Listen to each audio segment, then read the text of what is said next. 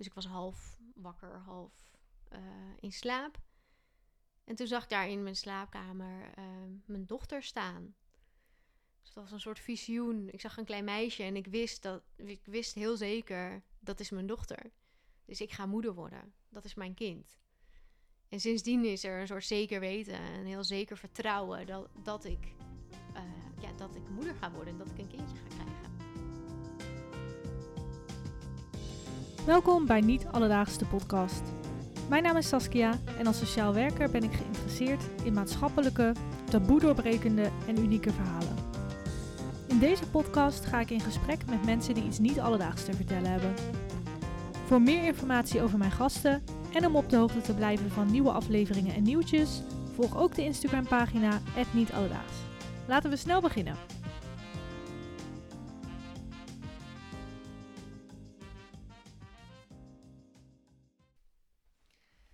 Welkom bij een nieuwe aflevering van Niet Alledaags. Vandaag ga ik in gesprek met Eveline. Zij is schrijfcoach en begeleidt anderen met het schrijven van een boek. Zij heeft onlangs zelf ook een boek geschreven over haar kinderwens, wat op 10 november uitkomt. Wij gaan vandaag in gesprek over haar kinderwens en het taboe daaromheen. Uh, Eveline, superleuk uh, dat je je verhaal wil doen. welkom bij Niet Alledaags. Dankjewel. Um, ja, het is nogal een, een onderwerp kinderwens en met name het taboe daaromheen. Um, daarom ook heel moedig dat je daarover um, in gesprek wil gaan. Uh, en nog moediger misschien dat je daar een heel boek over hebt geschreven waarin je al je gevoelens eigenlijk blootlegt. Wij hebben al eerder hier even over gesproken. En toen gaf je aan dat um, je in eerste instantie geen kinderwens had. En dat dat een taboe is, eigenlijk op zich al. Maar dat je later wel een kinderwens uh, hebt gekregen. En het moment dat het dan niet lukt om kinderen te krijgen, dat is, uh, ja, daar is dan eigenlijk ook weer een groot taboe omheen. Kun je eens even ons mee terugnemen in um, hoe dat verhaal is begonnen? Uh, je had een relatie en jullie hadden geen kinderwens. Ja, heel mooi dat je dat aangeeft. Want heel vaak denken mensen: oh ja, je kinderwens dat begint met het moment dat je stopt met de pil. Of, uh, of misschien zelfs naar het ziekenhuis stapt voor een medisch traject. Maar ik merkte dat mijn kinderwensverhaal dus eigenlijk al veel eerder startte. Um, ja, toen ik 18 was, kreeg ik eigenlijk mijn eerste serieuze relatie. En ik was net, af, of net klaar met de middelbare school en ik ging net studeren. Dus in eerste instantie uh, ja, was het gewoon leuk en we zouden wel zien hoe het zou lopen. Um, nou, dat liep heel goed. Dus we bleven, uh, we bleven bij elkaar. Op mijn 21ste gingen we samenwonen. En uh, ja, vooral toen ik ook mijn, mijn studie afronde, toen ik denk um, ja, 23 was ongeveer. En ging werken op mijn 24ste, 25ste. Ja, toen gingen uh, steeds meer mensen in mijn omgeving kregen kinderen. En toen kwamen eigenlijk ook de vragen van, ja, en jullie dan? Willen jullie kinderen? Um, en als ik dan zei nee, in ieder geval nog niet, uh, dan werd heel vaak de vraag gesteld, ja, waarom niet? Mm -hmm. En dat vond ik, vond ik altijd al een lastige vraag. Daarin werd ik altijd al getriggerd. Van waarom moet ik me verantwoorden waarom ik geen kinderen wil? Misschien is het handig als mensen die wel kinderen willen, dat die het gaan zich gaan verantwoorden. Van waarom denk jij dat jij er nu al klaar voor bent? Ja, um, want je was toen pas midden twintig ook. Ja, klopt. En ik woon in de nou, Noordkop van Noord-Holland. En ik merk dat hier toch mensen wel wat sneller aan kinderen, wat eerder aan kinderen beginnen dan in de Randstad. Mm -hmm. uh, ik was ook een van de weinigen toen in mijn vriendengroep die studeerde. Dus ja, ik was net klaar met mijn studie, ging, begon net een beetje aan mijn carrière. Dus ik was er nog lang niet aan toe. En ik kan me ook heel goed voorstellen dat als je al werkt vanaf je 16 of je 18e, dat je dan op je 25e wel toe bent aan een volgende stap. Ja, nou ja en jij had ook al lang een, uh, een relatie. Ja, dus dan denken mensen ook heel vaak, nou, je woont samen, hè, wanneer komt de volgende stap? Ja. Um, en hoe keken bijvoorbeeld je ouders of je familie daar, daar tegenaan? Um, nou, mijn ouders, mijn moeder heeft ook wel eens gevraagd uh, van, goh, zouden jullie niet eens uh, kinderen willen? Dat was al ietsje later toen ik tegen de dertig uh, begon te lopen. Um, en zij stelde die vraag vooral omdat haar moeder haar die vraag had gesteld. En dat voor haar een moment, ja, een moment van bewustzijn was om te denken: ja, ik, laten we dat inderdaad gaan doen. Want voor, voor hun tijd waren ze ook wat later met kinderen. En mijn opa en oma waren al ouder. Dus het was ook een beetje een hint van mijn opa en oma van... nou, we zouden het wel heel leuk vinden als we nog een tijdje van kleinkinderen kunnen genieten. En dat was voor haar het setje wat ze net nodig had. Dus ze hoopte dat eigenlijk aan mij ook te geven. Uh, maar ja, ik gaf ook aan, ja, uh, mijn, toen was mijn kinderwens wel, uh, dat verlangen wel ontstaan. Maar bij mijn partner nog niet. Of in ieder geval niet. dus dat was ook best wel een lastige helemaal situatie. Niet. Nee, helemaal niet. Hij, dus eerst wilden we allebei geen kinderen. En bij mij kwam dat verlangen op een gegeven moment. En ja, bij hem niet. Dus wat doe je dan? Ga je je wens opzij zetten voor de relatie? Dat heb, daar heb ik zeker mee, dat heb ik geprobeerd. Uh, ook gewoon om te kijken, hoe voelt dat? Maar uiteindelijk voelde dat voor mij niet goed en was het verlangen naar een kind groter. Ja, dus het verlangen naar een kind was groter dan um, het behouden van je relatie van zoveel jaar. Ja, uiteindelijk na elf jaar is die eerste relatie uitgegaan. Uh, ook wel omdat we toch echt wel uit elkaar gegroeid waren. Mm -hmm. um, maar de kinderwens heeft daarin zeker een uh, doorslaggevende rol gespeeld. Ja, um, en toen was je eind 20? Toen was ik 29 inderdaad, ja. ja. Um, maar er heeft nog een gebeurtenis plaatsgevonden, een nogal heftige gebeurtenis, waardoor jij nog zekerder wist, ik wil of ik word moeder. Ja. Kun je daar iets over vertellen? Ja, want ik had dus altijd zoiets van, nou, ik hoef niet per se, ik voel het niet die dat verlangen om, om kinderen te krijgen. Ik zeg nooit nooit, maar voorlopig heb ik niet uh, dat die, ja, dat verlangen. Mm -hmm. Tot uh, ik met mijn toenmalige vriend uh, naar een verjaardag reed. Uh, in de auto, hij reed en ik zat ernaast. En wij werden aangereden.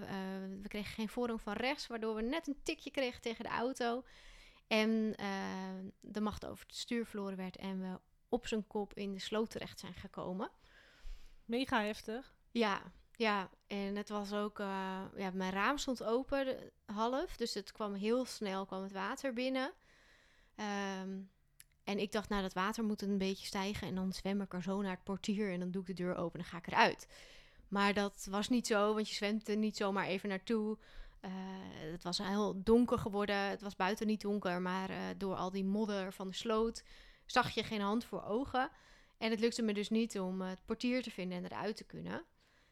Degene die ons had aangereden was ook dus inmiddels de sloot ingesprongen, maar de deur was op slot gegaan. De, de, oh. de vergrendelingen van de deur. Gaat dat automatisch als... Dat was een soort kortsluiting waarschijnlijk, omdat die auto met, ja, dat, omdat die elektriciteit met, de met water in oh. contact was gekomen. En mijn partner, die zat nog op zijn kop in de gordels. Dus die heeft uiteindelijk zijn gordel los weten te krijgen. En uh, ja, die, die werd gewoon super helder en alert. Dus die heeft, die heeft ook gehoord dat die auto op slot ging. Dus die heeft dat tuk-tuk gehoord. en uh, die heeft het portier gevonden en, en van het slot gehaald. En de deur open gedaan. Wow. Nou, inmiddels zat ik eigenlijk in een soort luchtbel nog met mijn hoofd tussen, de, ja, tussen het water en de, en die sprietjes van die voetenmatjes. En oh ja. uh, nadat ik dus had geprobeerd om het portier te vinden en dat was niet gelukt, toen kwam er gewoon een heel, hele kalmte over me heen. Ik raakte niet in paniek, maar ik was gewoon helemaal rustig, helemaal sereen. Het was echt een moment van overgave. En van, omdat je dacht, dit, dit komt toch niet meer goed? Of hoe bedoel Nee, het was ook niet dat ik dacht ook niet van we gaan dood. Maar het was gewoon, oké, okay, iemand moet ons redden. En verder niks. Het was echt een soort bubbel van alleen maar rust. Letterlijk een bubbel. Ja, van rust en, en, en, uh, en stilte. Dus ook een soort overgave aan, uh, aan wat er gaat gebeuren. Mm -hmm. uh, zonder al met je hoofd na te gaan denken over wat er allemaal kan gebeuren. Ja. Um, dus dat was al een soort, nou ja, dat was al een heel heftig, mo ja, heftig moment. Ingrijpend moment eigenlijk. Uiteindelijk, ik zal het een beetje kort houden. In het boek vertel ik er meer over. Uiteindelijk zijn we er dus uitgekomen. Zijn, zijn jullie dan gered? Um, nou ja, mijn, uh, mijn toenmalige vriend, die heeft, het, uh, die heeft de deur open gekregen. Dus die, ja, die, die heeft ons eigenlijk gered. En um, daarna zijn we nog wel naar het ziekenhuis, gaan voor een check-up. En toen mochten we eigenlijk meteen weer gaan. Moesten we nog zien hoe we naar huis kwamen zonder geld, zonder telefoon, zonder met kleren van mensen die we even geleend hadden aan. Ehm, nou, en eenmaal thuis was het inmiddels al s'avonds laat. Dus ik ben op een gegeven moment op bed gaan liggen om een soort van te proberen te gaan slapen. Dus ik was half wakker, half uh, in slaap. En toen zag ik daar in mijn slaapkamer uh, mijn dochter staan. Dus dat was een soort visioen. Ik zag een klein meisje en ik wist, dat, ik wist heel zeker, dat is mijn dochter. Dus ik ga moeder worden. Dat is mijn kind. En sindsdien is er een soort zeker weten, een heel zeker vertrouwen dat, dat, ik, uh, ja, dat ik moeder ga worden en dat ik een kindje ga krijgen. Dat gebeurde diezelfde avond? Ja. ja. Jeetje. Um, lijkt me best wel een, um, um, ja, een bijzondere gewaarwording als je, als je zoiets meemaakt. Ja, ik had ook nog nooit eerder zoiets meegemaakt. Het is niet dat ik uh, eh, vaker visioenen heb en denk van, oh, dit is er weer eentje. Nee, ik heb ook daarna nooit meer zoiets meegemaakt.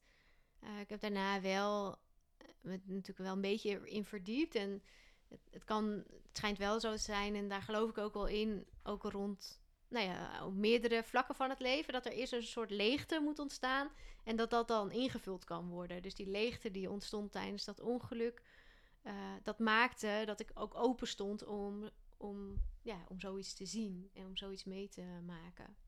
Ja, en um, wist je op dat moment ook um, dan wie, of dat jouw toenmalige partner de vader zou worden of juist niet?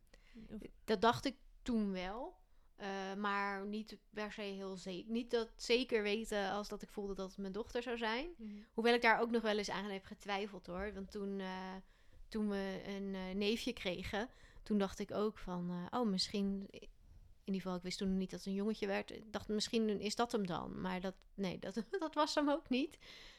Um, en, en later, toen het, toen het zwanger worden heel moeilijk werd, ja, haalde ik er, putte ik er nog wel kracht uit. Maar het vertrouwen, dat werd ook wel minder. Mm -hmm. Dat uh, je visioen juist was, bedoel ja, je? Ja. Dus dat rotsvaste vertrouwen wat je in eerste instantie had in dat visioen, dat werd minder naarmate het niet lukte ja. de kinderwens. Ja.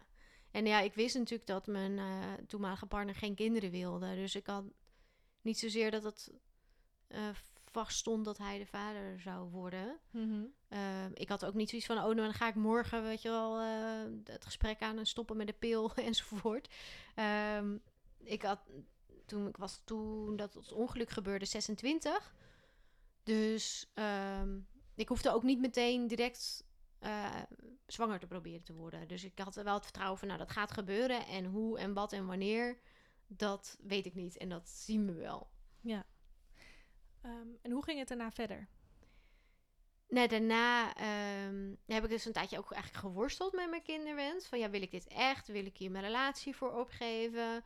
Hoe lang ga ik wachten? Of het misschien bij hem, want dat herinner ik me ook. Ik had het net over dat gesprek met mijn moeder. Die zei van, hé, willen jullie niet eens aan kinderen beginnen? Toen zei ik, nou, ik wel, maar mijn toenmalige vriend niet. Toen zei ze, oh, dat komt nog wel.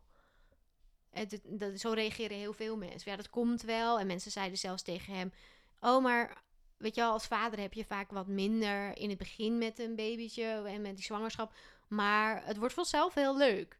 Mhm. En daarvan had mijn vriend ook zoiets van: Ja, uh, hoezo ga ik dat risico aan dat ik een nieuw leven op, het, uh, op de wereld ga zetten? En met het idee van: Nou, ik zal het vanzelf over een paar jaar wel leuk vinden. Ja, het is best ja. gewoon een risico inderdaad. Ja. Want wie weet is dat niet zo. Nee, en je hij... zit er wel voor de rest van je leven aan vast natuurlijk. Ja. Het klinkt een beetje onaardig, maar zo is dat wel. Ja, dus daarin uh, merk je ook dat er vaak best wel makkelijk vanuit wordt gegaan. Of het is ook een soort van sprekend dat je kinderen wil. Mm -hmm. uh, maar eigenlijk is het best wel gek als je hoort wat mensen erover zeggen. Ja. En um, wat voor reacties kreeg je nog meer? Um, ja, dus heel vaak die waarom vragen. Als ik zei van nou, ik wil, uh, ik wil geen, toen ik nog geen kinderen wilde. Um, en later ook toen, wij, toen ik al wel kinderen wilde, uh, of we waren ermee bezig. Uh, ja, dan waren er ook soms mensen die dachten dat ze me moesten overhalen. Van ja, maar het is echt heel leuk hoor. En jullie moeten gewoon eraan beginnen. En dan zei ik, ja, we zijn al twee jaar bezig. Oh, of dat horen mensen dan niet eens. En dat is ook wel, ja, daar wordt ook heel apart mee o- over gereageerd. En in het begin kon ik me daar best wel dan druk over maken en of, op mijn teentjes eh, getrapt door eh, worden. Ik herinner me ook nog, ehm, ik heb ook een tijdje eh, les gegeven in Nederlands op het MBO. eh, op de afdeling zorg. En dat waren veel meiden die ook graag moeder wilden worden. Dus die vroegen dan ook van... Hey, Evelien, heb je een relatie? En wil je kinderen? En eh, heb, je al, heb je kinderen? En zei ik, nee, nog niet. Wil je ze? Ja, nou, waarom, waarom begin je er dan niet aan? Ja, Nou. Zo makkelijk is het niet altijd. Ja, dan denk ik, nou, we, we zijn net eh, een paar maanden samen. Of, eh, oh ja, maar dat waren mijn ouders ook. Denk, ja. ja, betekent niet dat eh, is wat, wat ik wil. ja, Ja. ja, Want ehm, je hebt het dus uitgemaakt met je toenmalige vriend. ja, Ehm, omdat jullie deels uit elkaar gegroeid waren, maar ook ehm, daar speelde ook een grote rol in het feit dat hij geen kinderwens had. klopt. En jij wel. Ja, Ehm, toen ben je een tijdje vrijgezel geweest. En toen ontmoette je jouw huidige partner. ja en eh, eh, mijn huidige partner, ik heb met hem eerst eh, ook wat gesprekken gehad voordat wij eigenlijk een relatie begonnen. Dus hij wist al en ook dat mijn relatie eh, daarvoor uit was gegaan. Ook dat die kinderwens daarin een grote rol speelde. Dus hij wist daarvan.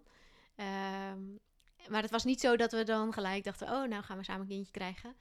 Ehm, juist doordat ik elf jaar een relatie gehad en daarna ook nog eh, snel nog eentje ertussendoor, had ik zoiets van: nou laten we het even rustig, eh, rustig aandoen. En ik woon net eh, alleen. En ik was toen ook mijn eigen bedrijf begonnen en daarnaast dus aan het lesgeven. Dus er was al heel veel hectiek in mijn leven. Dus we hadden zoiets van: nou rustig aan, opbouwen. Dus nou, na je twee wist, jaar. ik wil het wel, Ja, ooit, maar ja.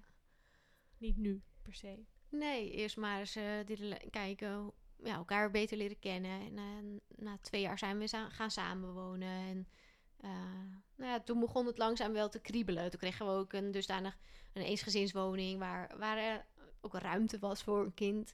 Gewoon letterlijk ruimte. Ja, ja, dus dat je eigenlijk het kleine kamertje al denkt van oké, dat, dat gaat ooit de babykamer worden. Ehm, en dan is het ook wel weer een heel gek moment van wanneer begin je dan? Wanneer besluit je dan allebei? Want je weet, we willen het. Maar ja, wat is dan een goed moment? Want hoe oud waren jullie toen jullie elkaar leerden kennen? Ehm, ik leerde Marcel kennen toen ik 31 was. En eh, toen ik 34 was, toen ben ik gestopt met de pil. En Marcel is eh, zeven jaar ouder dan ik. Oh ja, want wat ik eh, ook wel zie om me heen is dat mensen die ehm, bijvoorbeeld al een relatie krijgen in hun tienerjaren, eh, dat die er natuurlijk veel langer de tijd eh, voor nemen om eerst nog heel veel te reizen met elkaar en dan een huis kopen en nog jarenlang studeren en weet ik veel wat. En dan misschien na tien jaar nadat ze elkaar al kennen, dat ze dan mogelijk gaan overwegen of dat ze samen kinderen zouden willen. Terwijl als je elkaar pas op een latere leeftijd ontmoet, en ja, later bedoel ik dan mee eh, 30 plus misschien, Mhm. eh, dat dat proces dan natuurlijk veel sneller gaat. Want Ja. ja, je hebt natuurlijk ook een biologische klok. Ja. ja, dat zie ik ook eh, om me heen wel gebeuren. Ook vrienden van ons die rond hun veertigste die een relatie krijgen. En ik, nou, het voelt goed. Dan zit er toch ook een gevoel achter, ja, het is nu of nooit. Precies. En dat kan, ja, bij, bij de een eh, v- voel, voelt dat heel goed. En denk je, nou, dat is heel stabiel en ga ervoor. En is jullie gegund. En bij een ander denk je, "Mm, zou je dat nou wel zo snel gaan doen? Ja, je wil ook geen overhaaste beslissing nemen. Nee, nee dat, en dat hadden, we- daar zaten wij wel allebei eh, op één lijn. Het was ook wel dat een be- vrienden van ons eh, een zwangerschapsaankondiging deden. En dat wij dachten, huh, nu al? En wij dachten, oh, wij dachten eigenlijk dat wij aan de beurt zouden zijn, zeg maar. Eh, en dat gaf voor ons wel het zetje om te denken van, oh, maar ja, dan moeten we er misschien ook maar werk van gaan maken. Ja, dus nu zijn wij aan de beurt. Ja, dus niet lang daarna eh, ben ik gestopt met de pil. En eigenlijk, ik vind dat eigenlijk een heel interessante ehm, ja, belofte ook die je aan elkaar doet. Weet je, we vieren zoveel als je gaat trouwen. Of, eh, en ook rond een, rond, eh, een zwangerschap. Dat je tegenwoordig heb je ook een gender reveal party en een baby shower. En, eh, maar dat moment vieren we helemaal niet. Dat je allebei zegt, ja, we willen een kindje en we gaan er nu aan beginnen. Dat is eigenlijk een, misschien nog wel een ingrijpender ja-woord dan het ja zeggen tegen elkaar in de vorm van een bruiloft. Of, Ja, want een huwelijk, ja, je kunt ook gewoon weer scheiden. Maar als je een kind hebt samen, precies. Kom je nooit helemaal van elkaar af. Je blijft Nee. altijd de vader en de moeder van dat kind. Ja. Ik vind dat best wel een, een enge gedachte eigenlijk. Het is best een grote belofte die Ja. je maakt. Ja, Ja, ja. Dus eh, ja, ik weet ook, ook, wel... heel mooi dat Ja. je dat eh, aan elkaar belooft. Ik, inmiddels volg ik ook wel eh, wat mensen rondom dit thema natuurlijk. En, ehm, en dat er ook allerlei andere mogelijke manieren zijn van een familie. Eh, ook als je bijvoorbeeld eh, een same-sex stel bent, dan ben je Mhm. dan moet je een andere vader of moeder erbij zoeken. Ja. Eh, gewoon biologisch, want anders kan het niet.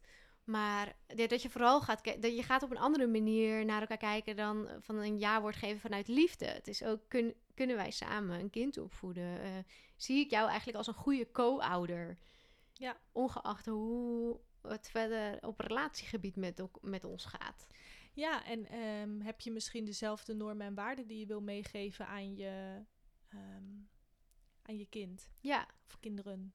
Ja, en daarin merkten we ook wel met hoe we dan tegenover de kinderen van anderen stonden. Of dat we dachten van, oh ja, dat zouden wij heel anders doen. Of we zouden het een beetje zoals hen doen. Of eh, dat we daarin... Of juist niet. Ja, of juist niet, precies. Vaak juist, vaak juist niet. Want in ieder geval daar, daar eh, ontstaan vaak de gesprekken wat sneller over.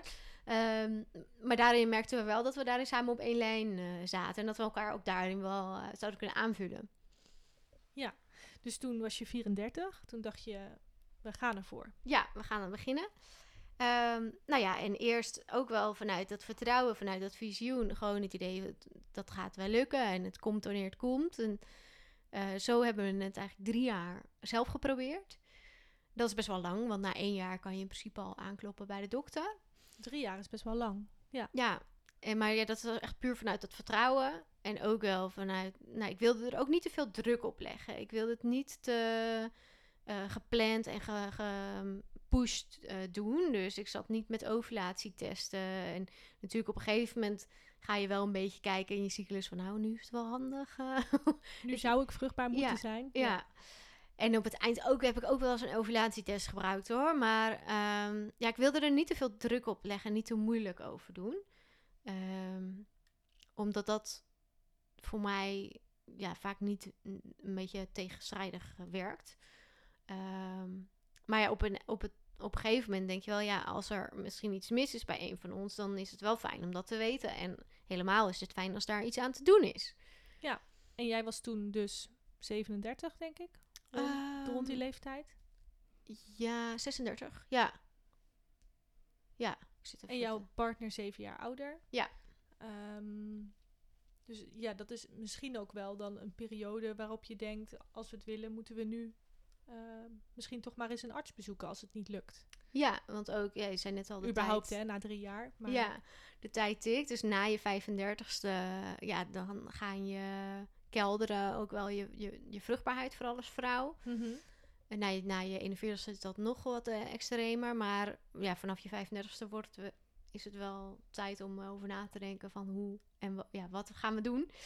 En eh, kunnen we misschien van, eh, ja, van een medische ingreep gebruik maken. Ehm, ja, wij gingen er in eerste instantie zo in van, nou, la- laten we onderzoeken of er ergens iets mis is en of, we dat, ja, of dat eh, te fixen is. Ehm, dus zo gingen we de, de onderzoeken in. Ehm, wat voor mij best wel een schok was, was dat bij het eerste gesprek al gelijk een intern onderzoek was. Dus dat Zo. was die had ik niet aanzien komen. Nee, je zou Ehm, zeggen, je gaat eerst op consult en ja. eh, dat ze dan vragen... wat heb je zelf allemaal geprobeerd of ehm, weet ik veel. ja, Ja, maar ze gaan ook gelijk even naar binnen kijken om te kijken hoe het er allemaal bij zit. oké. Eh, daarna eh, wordt je bloed gecheckt om te kijken of je een ovulatie hebt en of je dus een eisprong en ei, eigroei en eirijping hebt. Bij de man wordt het zaad gecheckt en bij de vrouw wordt ook ehm, een, het- de, een, run- soort röntgenfoto gemaakt van de baarmoeder, waar dan contrastvloeistof in zit. Dus dan kan je zien of de eileiders doorgaanbaar zijn. Want als daar een soort blokkade is, dan ja, kan het eitje nooit, eh, het zaad nooit bij het eitje en het eitje kan nooit echt goed eh, springen. Mhm. Ehm, nou, daar kwam eigenlijk allemaal geen, kwamen geen bijzonderheden uit. Dus er was er niet echt iets aan te wijzen waardoor het eh, niet zou lukken. Ja, Nou, toen zaten we met de gynaecoloog en kregen we een soort lijstje van minpunten. Dus oké, eh, ik was 36, denk ik, zoiets, 37 toen. Ehm Marcel was iets van 44. Ik weet niet of ik het helemaal goed zeg. Maar dus op, op basis van onze leeftijd kregen we al een paar minpunten. Op basis dat we drie jaar bezig waren, kregen we al wat minpunten. Op basis ehm, van dat het nog nooit gelukt was. Dus ook geen miskraam of een heel vroege zwangerschap verloren. Kregen we ook een aantal minpunten. En toen hadden we genoeg minpunten om door te gaan voor eh, behandelingen. Door naar de volgende ronde. Door naar de volgende ronde. Ja, ze moeten het dus. ehm, het wordt verzekerd in Nederland door de zorgverzekering. Dus ze moeten aan de verzekering kunnen duidelijk maken van nou, dit is aan de hand met deze mensen en we denken dat ze geholpen zijn ja. met een behandeling. En dus dat, hebben ze recht op die vergoeding Ja, eh, vanuit ja. de verzekering. Ja. Dus vandaar die minpunten. Maar het klinkt wel een beetje cru. ja.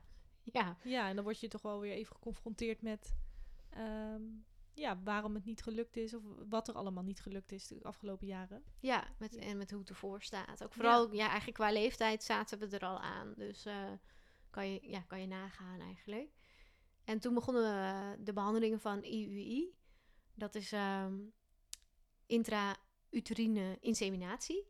Oké. Eh, dus de meeste mensen kennen denk ik wel IVF. Mhm. Bij IVF wordt er echt, eh, worden er zoveel mogelijk eitjes eh gerijpt, ook weer niet te veel. Die worden dan in, een, in het lab bevrucht en die embryo wordt teruggeplaatst. En de andere embryo's worden ingevroren. Maar IUI is eigenlijk een stapje daarvoor, wat iets minder ingrijpend is qua hormonen. Omdat je telkens maar één eitje gaat rijpen. Dus je gaat niet echt vol met hormonen zoveel mogelijk gaan laten rijpen. Maar één eitje wordt gerijpt. eh, dan kunnen ze krijg je nog een ander hormoon eh, om de ijsprong op te wekken. Dus dat wordt precies getimed. Zodat ze ehm, vervolgens dus weten van oké, je, je prikt eh, woensdag, dus vrijdag mag je terugkomen naar het ziekenhuis. Eh, dan mag je vriend komen met een potje met zaad. Daar worden de beste in het lab van, eh, van uitgekozen. En vervolgens kom ik bij het ziekenhuis met een, en dan krijg ik een reageerbuisje van dat zaad. En dan moet ik naar de fertiliteitsafdeling. En daar wordt het dan geïnsemineerd. Mhm. Dus je krijgt geen embryo, maar de, de, de bevruchting vindt plaats, als het goed is, in de baarmoeder. Maar het wordt op het juiste moment en de beste zaadjes en ook iets hoger ingebracht dan dat je het op de natuurlijke wijze zou doen. Ja, en wat is dan eh, ehm, het voordeel daarvan? Je zei net al, eh, IVF heeft, mm, krijg je meer hormo- hormonen. Ehm, is dat per se heel slecht? Want eh, in principe zou het eenmalig of zo weinig mogelijk pogingen. Het, het is niet voor op de lange termijn. Je doet dat Nee. een paar keer en dan zou, als het goed is, hopelijk het liefst binnen één keer al, dan dat zo'n bevruchting dan ehm, zou lukken. Dus wa- wat is dan verder een, een, een keuze om voor IUI, zeg ik het goed? Ja. te kiezen. Of, En nou, daar heb je eigenlijk zelf niet zozeer een keuze in. Het ziekenhuis bepaalt dat. Eh, Mhm. er worden zes IUI-behandelingen vergoed. Dus je eigenlijk eh willen ze vanuit het protocol dat je eerst zes IUI-behandelingen doet. En je mag pas gelijk door naar IVF als blijkt, als bijvoorbeeld vanuit het zaad van de man blijkt dat dat echt nodig is. Of, of dat er bij de vrouw iets is ehm, waardoor, ja, ja, waardoor de kansen van die IUI heel laag zijn. oké. Nu zijn die sowieso heel laag. We zijn er best wel van geschrokken. De kans dat je zwanger wordt van IUI ligt tussen de 9 en de 12 procent. Huh, zo. En gezien onze leeftijd ongeveer wel meer eerder 9 procent. Dus ja, toen we daar ook achter kwamen, dachten we ook, ja, waar doen we dat dan allemaal voor? Want het voelt inderdaad, het is telkens één kans. En met IVF heb je natuurlijk wel wat meer kansen. Maar het gaat, dat, het gaat vooral om de financiën, denk ik. Want IVF is gewoon heel kostbaar. Ehm, en we zitten bij een regionaal ziekenhuis. En eh, IVF, da, dat moet ook bij een ziekenhuis in Amsterdam gedaan worden voor een deel. Dus echt die, die embryo's eh, kweken, Mhm. wat het uiteindelijk is. Dat, dat, is. dat moet in een lab gebeuren. En dat is gewoon heel specifiek eh, werk, wat eh, heel duur is. Ja. En ook het invriezen is heel duur. Ik, ja, ik weet dat eh, mensen in Amerika betalen daar gewoon tienduizenden dollars voor. Ja. Maar ja, aan de andere kant denk ik, als het slagingspercentage, ehm, of tenminste het bevruchtingspercentage zo laag is, ehm, ja, de, Dat bedoel, IUI is ook niet gratis, toch? Nee. Nou, het, het, eh, hoewel het met elke behandeling is gewoon die kans weer 9%. Heb je dan wel vanuit het ziekenhuis, nou de me na zes behandelingen is er dan wel, ik geloof bijvoorbeeld iets van 20% zwanger. Of, ja. dus eigenlijk ja. is het van, nou, la- hoe vaker we het proberen, hoe, hoe groter de kans dat het, dat het een keer lukt. Ja, precies. Eh, maar omdat er niet echt een heel duidelijke medische ehm, reden is om eh, direct naar IVF te stappen, wordt, wordt dat niet zo snel gedaan. Nee. En die hormonen zijn ook echt een stuk heftiger. Dus ook voor IUI is ook wel ontstaan om die psychische belasting bij een vrouw wat minder zwaar te maken. Oké. Ehm, hoe verliepen bij jullie de IUI-behandelingen? Ehm, nou, we starten in 2020, eind 2020 met de eerste behandeling. Eh, ik weet nog dat ik dan een test zou kunnen doen op 5 december. Dus ik dacht, nou, dat is een leuk Sinterklaas cadeautje.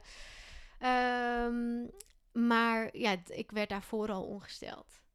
En dat, eh, ik heb daarna, eh, toen zeiden ze al van, nou, dan rond de kerstperiode moet je waarschijnlijk even een maandje pauze houden, want dan zijn we dicht. Of dan doen we wat minder behandeling, ze zijn niet helemaal dicht.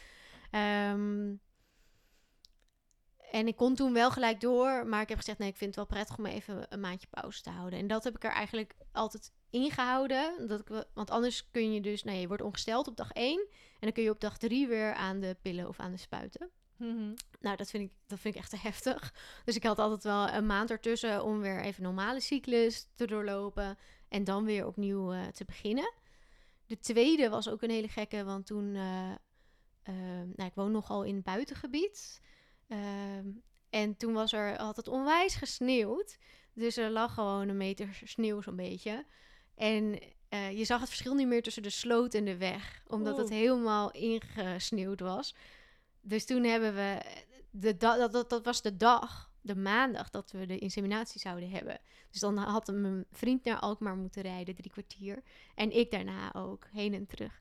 Ehm, nou ja, en we konden hier gewoon de dijk niet opkomen met de auto, omdat het zo glad was dat we weer teruggleden. Want er werd hier ook verder, er wordt dan in het begin wel gestrooid, maar dat had zo gesneeuwd dat dat geen nut meer had. Nee. Dus toen hebben we die gecanceld. Maar ja, alles is wel in orde gebracht voor een bevruchting. Dus ja, dan kruip je toch maar weer samen in bed.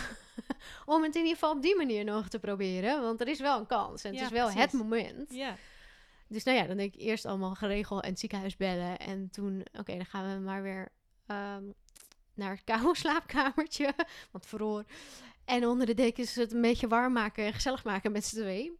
Maar dat, dat had helaas ook geen, eh, nou ja, niet het eh, gewenste resultaat.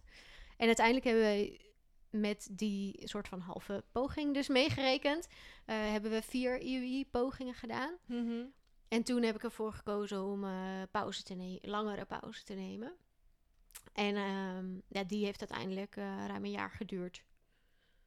Ja, om ook, ik zei net, hè, de IUI he- heeft minder psychische belasting dan IVF.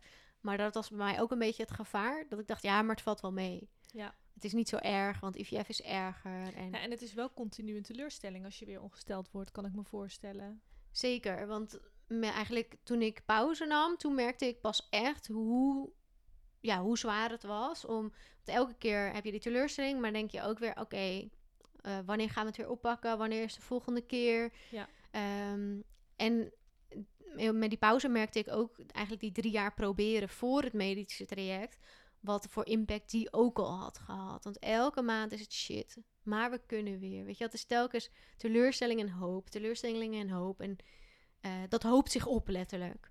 Mhm. Dus als je die teleurstelling niet helemaal er laat zijn en doorvoelt, dan, ja, dan, dan stapelt zich dat op. En dat noemen ze ook opeengestapelde rouw. Ja. ja, dat is het ook echt natuurlijk. Ja. Ja. Ehm, en toen heb je dus een jaar pauze genomen, eh, maar daarna toch weer opgepakt. Ja, en toen kwamen we er dus achter ehm, dat, eh, ja, dat je niet zomaar kan zeggen wij willen IVF. Want dat hadden we toen wel, dat idee van nou, laten we dan IVF proberen. Doen we het één keer goed en dan hopelijk een aantal embryo's en dan eh, gaat het lukken. Eh, maar in eerste instantie was nog de vraag dat we eerst gewoon de zes vol moesten maken. Toen werd er ook gezegd, ja, maar het duurt allemaal nog even voordat je voor IVF in aanmerking komt, zijn nog allemaal gesprekken. Dus anders doe je even twee keer IUI daartussendoor. Eh, Alsof het niks is. ja, toen dacht ik, nou, dat doen we niet. dat, en uiteindelijk heeft het team het besproken. En omdat ehm, ik toen in december 39 werd, zeiden ze, ja, gezien je leeftijd, weet je wel, als je 40 bent, krijg je, als je 40 bent, dan mag je wel meteen met IVF beginnen. Dus eh, toen hebben ze gezegd, nou, jullie mogen wel met, eh, met IVF beginnen. Oké. Ja, en dat, ehm, nou ja, we hebben nu één poging gehad, maar die heeft ook nog niks opgeleverd. Jeetje, dat is dus toch weer, wel weer een teleurstelling, eh, kan ik me voorstellen. Want kan me, ja, ehm, misschien is het ook zo dat je dan al je hoop vestigt op IVF. Ja, maar dat was ook al snel duidelijk dat dat niet zo. Ik dacht, nou, dat gaan we dan even doen. Weet je wel, nee, je maakt je er, je zet je een beetje schrap ervoor, want je weet, oké, dit gaat heel heftig worden. Maar we doen het met een reden en dus we doen het één keer en één keer heftig, maar wel één keer goed hopelijk. Mhm. Ehm, maar bij mij, ze beginnen vrij laag met de hormonen, eh, omdat ze niet weten hoe een vrouw erop reageert. En overstimulatie is eigenlijk het gevaarlijkste, dus dat willen ze voorkomen. Dus in eerste instantie starten ze laag. Wat En, betekent dat, overstimulatie? ehm, net dat je te veel eitjes krijgt. En die is ook ja, te veel allemaal kleine eitjes. Maar dan moet je echt opgenomen worden in het ziekenhuis. Oh, oké. Eh, dus dat is best wel heftig. Dus nou ja, de logisch is dat ze dat willen voorkomen. En je kan niet van tevoren inschatten hoe, hoe je lijf op die hormonen reageert. Nee. Ja, mijn lijf reageerde dus eh, eh, heel zwak erop. Dus ook tijdens de IVF was het de hele tijd... Oh, gaan we door? Gaan we het afbreken? Gaan we door? Gaan we het afbreken? Oh, hij groeit een beetje. En de volgende controle... Oh, hij groeit te weinig. En de volgende controle... Ah, groeit... Laten we toch nog iets langer doorgaan. Misschien moet hij even een drempeltje over, dat, die eitjes. En gaan ze daarna groeien. Eh, dus uiteindelijk hebben we met veel eh, pijn en moeite eh, twee eitjes. waaruit wel twee embryo's zijn gekomen. Dat is eigenlijk heel bijzonder. Vaak heb je tien eitjes bijvoorbeeld. En dan zijn er eigenlijk maar zeven goed. En uiteindelijk maar vijf bevrucht. En vier zijn echt goed bevrucht. Zodat ze teruggeplaatst kunnen worden of ingevroren kunnen worden. Daar moeten ze ook sterk genoeg voor zijn. Mhm. En dan moet het ook weer goed ontdooien. Dus Ja. eh, in, de, met IVF kan heel veel fout gaan. ja, met proces. IVF, eh, dat, dat waarschuwen ze ook wel voor bij het ziekenhuis. Het is niet gezegd dat eh, IVF is geen wondermiddel of zo. Het is niet dat het dan ineens allemaal lukt. Nee. Maar goed, voor de, ja, het positieve eraan was wel dat we twee, heel, twee gewoon sterke embryo's hadden. Want ik dacht ook nog wel, misschien dat IVF ons ook meer antwoorden gaat geven. Want daar zitten we ook mee, weet je. Als je, als je weet van, nou, er is iets mis met mijn hormonen. Dus ik moet die hormonen spuiten eh, om, om dat aan te vullen. eh, Dan ga je veel gedrevener met die behandeling aan de slag. Maar omdat het bij ons eh, dus niet aansloeg en we wisten ook niet waarom, blijft dat ook de hele tijd een beetje ja, als Ja. een vraagteken boven je hoofd hangen. Ja, en dat is toch ook wel, lijkt me ook heel lastig. Ja, Dat je, er zou niks in de weg moeten staan. En dan toch lukt het niet. Zelfs niet met allerlei hulpmiddelen. Nee, en dat, ja, met IVF kan het ook nog zo zijn dat als ze het eitje in het eh, lab hebben en ze doen het zaadje erbij, dat dat zaadje dus niet zelf het eitje ingaat. En dan Mhm. kunnen ze het een beetje helpen. En dat heet ICSI. Dan brengen ze dus echt het zaadje in het eitje. Nou, ik had zelfs nog wel gedacht, misschien is dat wel het geval. En dan eh, ja, ligt het daar aan. Maar dan kunnen ze dat dus gelijk eh, fixen. Tackelen, zeg Ja. maar. Ja. Want Ja. dat, eh, soms moet je dan weer een nieuwe poging, maar dat hoeft er niet. Dat zouden ze dan direct toepassen. Dus ja, ja daar verwacht ik ook nog wel antwoorden op. Eh, maar de, ja, het enige, de antwoorden die we hebben gekregen is dat we wel heel sterke embryo's eh, ha- hadden. Maar die zijn dus niet blijven zitten. En dat is eigenlijk het laatste proces. Ze kunnen die embryo's terugplaatsen. Maar dat ze zich innestelen.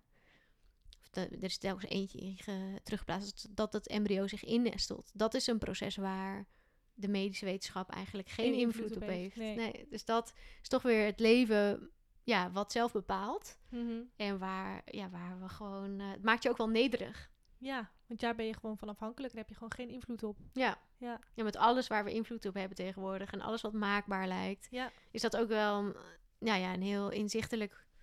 geeft het je veel inzichten over... Ja, vooral toch weer vertrouwen. Toch maar weer gewoon overgeven. Ehm, terwijl je ondertussen in zo'n eh, medisch proces zit... van de volgende afspraak, volgende controle... wanneer... dat is ook niet te plannen. Dus uiteindelijk heeft onze eerste poging eh, zes weken geduurd. Eh, dat is ook veel langer. Dus ik dacht, nou, dan heb ik daarna nog de kerstvakantie, ben ik lekker vrij. Maar dan, ik zat op eh, tweede kerstdag, werd ik, ehm, vond de punctie plaats. Oh jeetje, ja, dat, dat komt heel nauw natuurlijk. Ja. Ja. En ehm, hoe is het nu?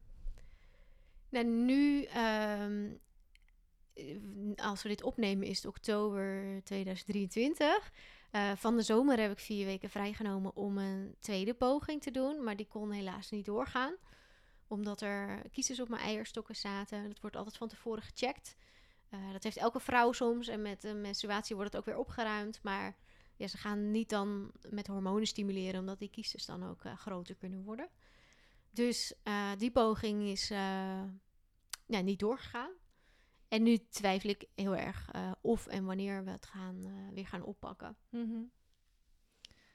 Ehm, heftig. Heftig traject. Ja, Ehm, en hoe sta je nu in ehm, het visioen wat je destijds hebt gehad? Ja dat is wel een beetje eh weggeëpt, merk ik. Die, die, die kracht en v- vertrouwen van dit gaat gebeuren en dit is, ja, dit is wat het is. Ook kwamen mensen wel eens met andere opties van, nou, misschien is het je eigen innerlijke kind. En dacht ik, nee hoor, dit, dit is gewoon mijn dochter. Ja. Eh, dus ja, maar die kracht, die is wel wat, eh, wat weggezakt.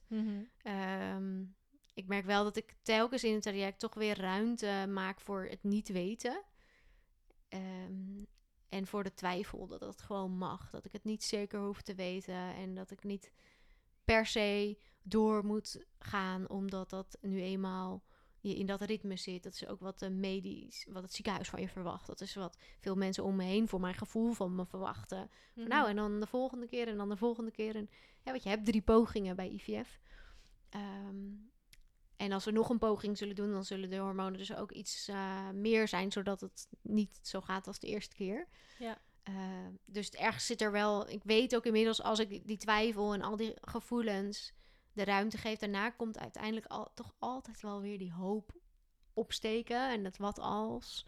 Er liggen nog kansen. En er zijn ook mensen die die kansen niet hebben. Dus ja, het is een heel. eh, dit, dit- er zitten heel veel kanten aan. Waar ik dan. Ja, waar ik toch, ondanks dat de, de klok tikt. eh, want ik word in december 40.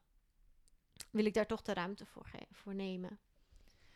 Ehm, ja, en dit is misschien een moeilijke vraag, maar wat als het niet gaat lukken?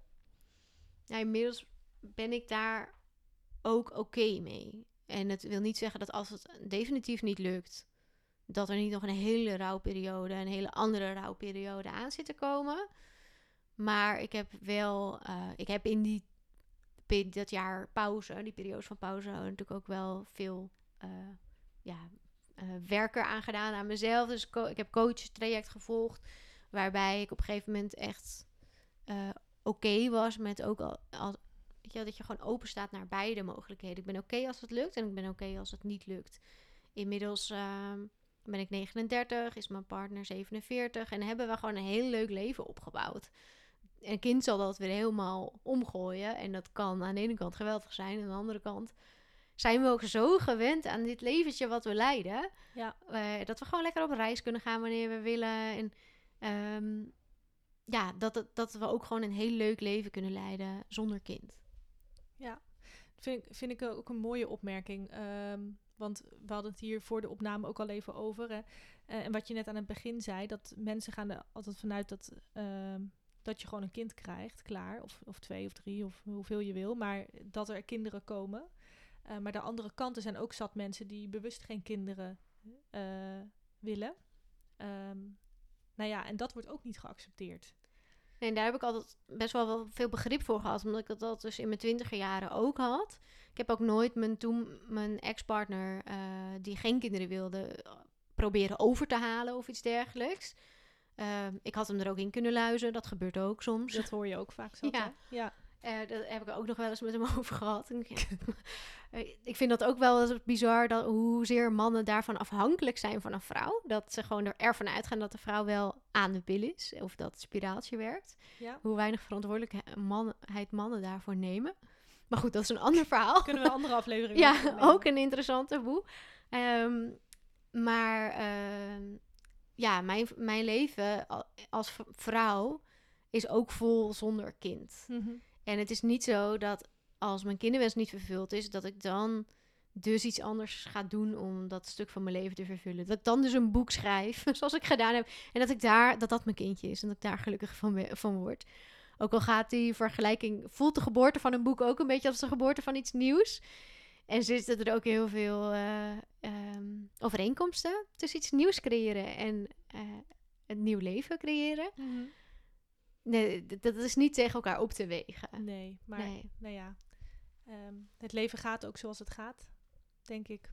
Ja, ik denk dat we. Ik zou heel graag willen dat we een beetje van die.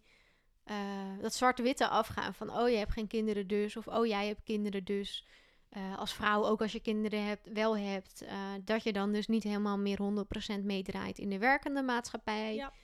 Eh, of je hebt geen kinderen, dus jij kan keihard werken. Ja. Dus jij hebt lekker tijd om een boek te schrijven. Ja, ik werk en ik heb kinderen, dus ik heb daar geen tijd voor, bijvoorbeeld. Ja, Die heb ik nog niet te horen gekregen hoor. Maar ehm, ja, ik, ik geloof altijd in en en. En het is niet of of. Het is niet of je hebt kinderen of je kan je missie leven en voluit werken. ja, of je hebt geen kinderen en dat, daardoor ben je misschien minder waard of ongelukkig. eh, of je hebt wel kinderen en je kunt geen carrière maken. Ja, het is allemaal per definitie niet altijd zo. Nee. En iedereen maakt daarin zijn, zijn keuzes. Ja, Maar ik denk wel als je geen kinderen hebt, dat, dat je daar extra in uitgedaagd wordt. Ik merk dat zelf ook, weet je wel.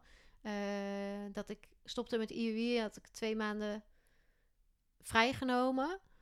Eh, ik zit te denken in mijn hoofd of dat toen was. Nee, dat jaar daarna heb ik twee maanden vrijgenomen om aan mijn boek te werken. En dat was voor mij ook best wel een eh, stap. Om dus twee maanden niet te werken. Terwijl ik eigenlijk dacht, ja, maar als ik zwanger word, dan neem ik straks verlof en dan eh, ben ik ook een paar maanden vrij. Ehm, dus het is, ook als je kind, wel kinderen hebt, is het moeilijk om voor jezelf te kiezen. Maar dan is het logischer om te zeggen, nou, ik blijf nu even thuis, want ik blijf gewoon thuis met de kinderen even rust. Eh, terwijl, dat wordt dan meer geaccepteerd. ja, terwijl als je wel, als je geen kinderen hebt, verwacht is eigenlijk wel dat je bij elk feestje aanwezig bent, zeg maar. Mhm. Want je hebt toch niemand die thuis op je zit te wachten. Dus Ja, ja, de- nou, dat soort keuzes zijn om die keuzes echt puur voor jezelf te maken. eh, die zijn best wel lastig. Maar daarin ook weer is het ook lastig om als moeder echt, echt tijd voor jezelf vrij te maken. Ja, dat is de andere kant natuurlijk. Ja. Ja, Ehm, zou jij misschien een stukje willen voorlezen uit je boek wat op eh, 10 november uitkomt? ja leuk dat je dat vraagt. Eh, we hadden het natuurlijk over bepaalde reacties eh, die je kan krijgen. En ik denk dat daar ook echt wel het taboe op ligt. Ehm, en ik vind het heel belangrijk om openheid te creëren over de kinderwens. Maar soms kan dat ook weer tot gekke reacties leiden. Maar het gaat er voor mij vooral om dat, je, je- dat mensen zich bewust worden. Je, als je een vraag stelt, wees je ervan bewust dat er ook andere antwoorden kunnen komen. En eh, als je open bent over je kinderwens, wees je bewust wat dat bij een ander weer kan triggeren. En dat is ook echt iets van de ander, waar je gewoon bij stil mag staan. Ja, tot zover mijn, eh, De inleiding. mijn inleiding. Ik, eh, ik pak een stukje uit hoofdstuk 38.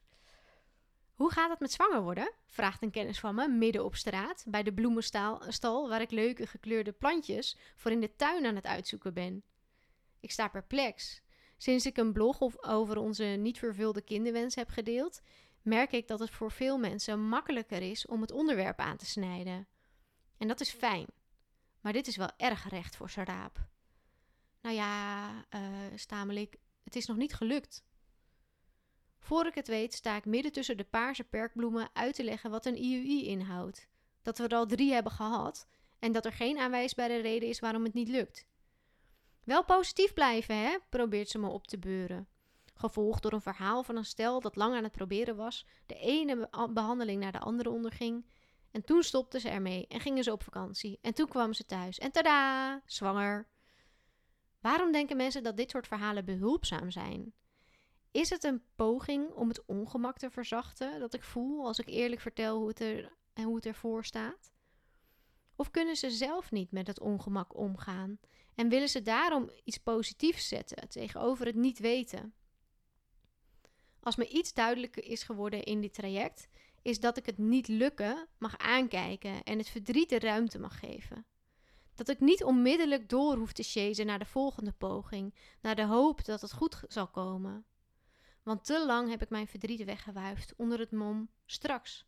Als het gelukt is, dan blik ik hierop terug en blijkt het allemaal mee te vallen. Maar het valt niet mee. Misschien is dat een betere reactie op een verdrietig verhaal. Het valt niet mee, in plaats van het komt wel goed, schatje. Maar dat zeg ik allemaal niet. Ik knik wat met mijn hoofd, zeg gedag en loop terug naar mijn auto. Zonder paarse plantjes voor in de tuin.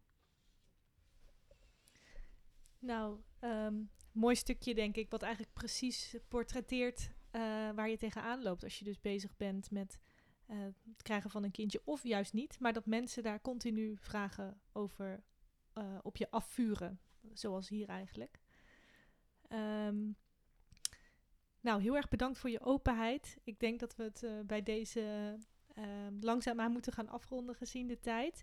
Um, heb je nog iets als laatste wat je wil, wat je wil toevoegen aan dit verhaal voordat we doorgaan naar de tas van Sas? Um, nou, ik denk dat ik met mijn boek Zonder Verwachting um, vooral naar voren wil brengen dat je het dus echt aan mag kijken en serieus mag nemen. En dat geldt dus niet alleen voor de kinderwens, maar ik had heel erg de neiging om het weg te wuiven. Van, oh, maar het valt wel mee, het is niet zo erg. Anderen hebben het erger.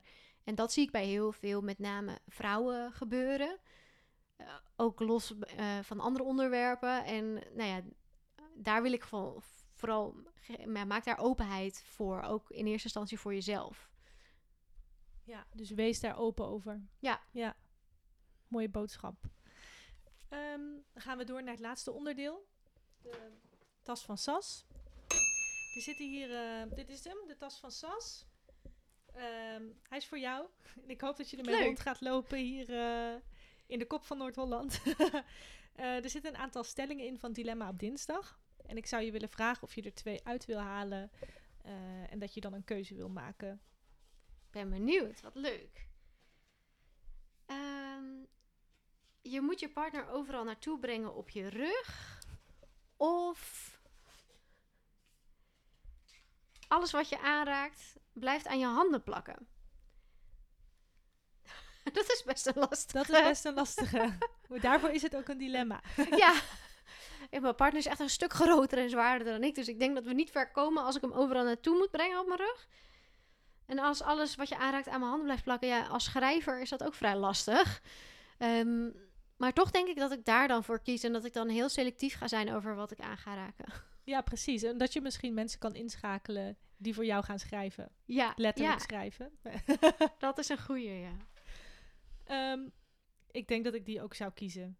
Uh, of trouwens, ik heb geen partner, dus misschien kies ik dan toch die. Want ja, als je geen partner hebt, dan hoef je die ook niet weg te brengen. Dat scheelt toch? Ja. ja. Oké, okay, Eveline, uh, super bedankt voor je, voor je openheid en voor het doorbreken van dit taboe. Want het is toch een moeilijk onderwerp waar veel mensen niet over willen, kunnen of durven praten.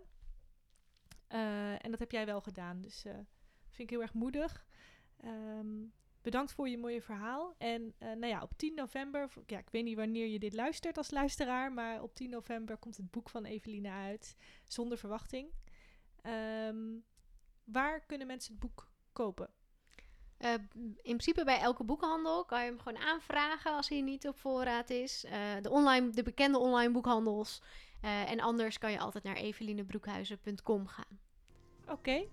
super bedankt. En um, bedankt voor het luisteren allemaal. Dit was hem dan. Niet alledaagse podcast. Laat me weten wat je van de aflevering vond. En vergeet vooral niet om me te volgen op Instagram. Zodat je altijd meteen op de hoogte bent als er weer een nieuwe aflevering online komt. Super bedankt voor het luisteren en tot de volgende keer. Doei doei!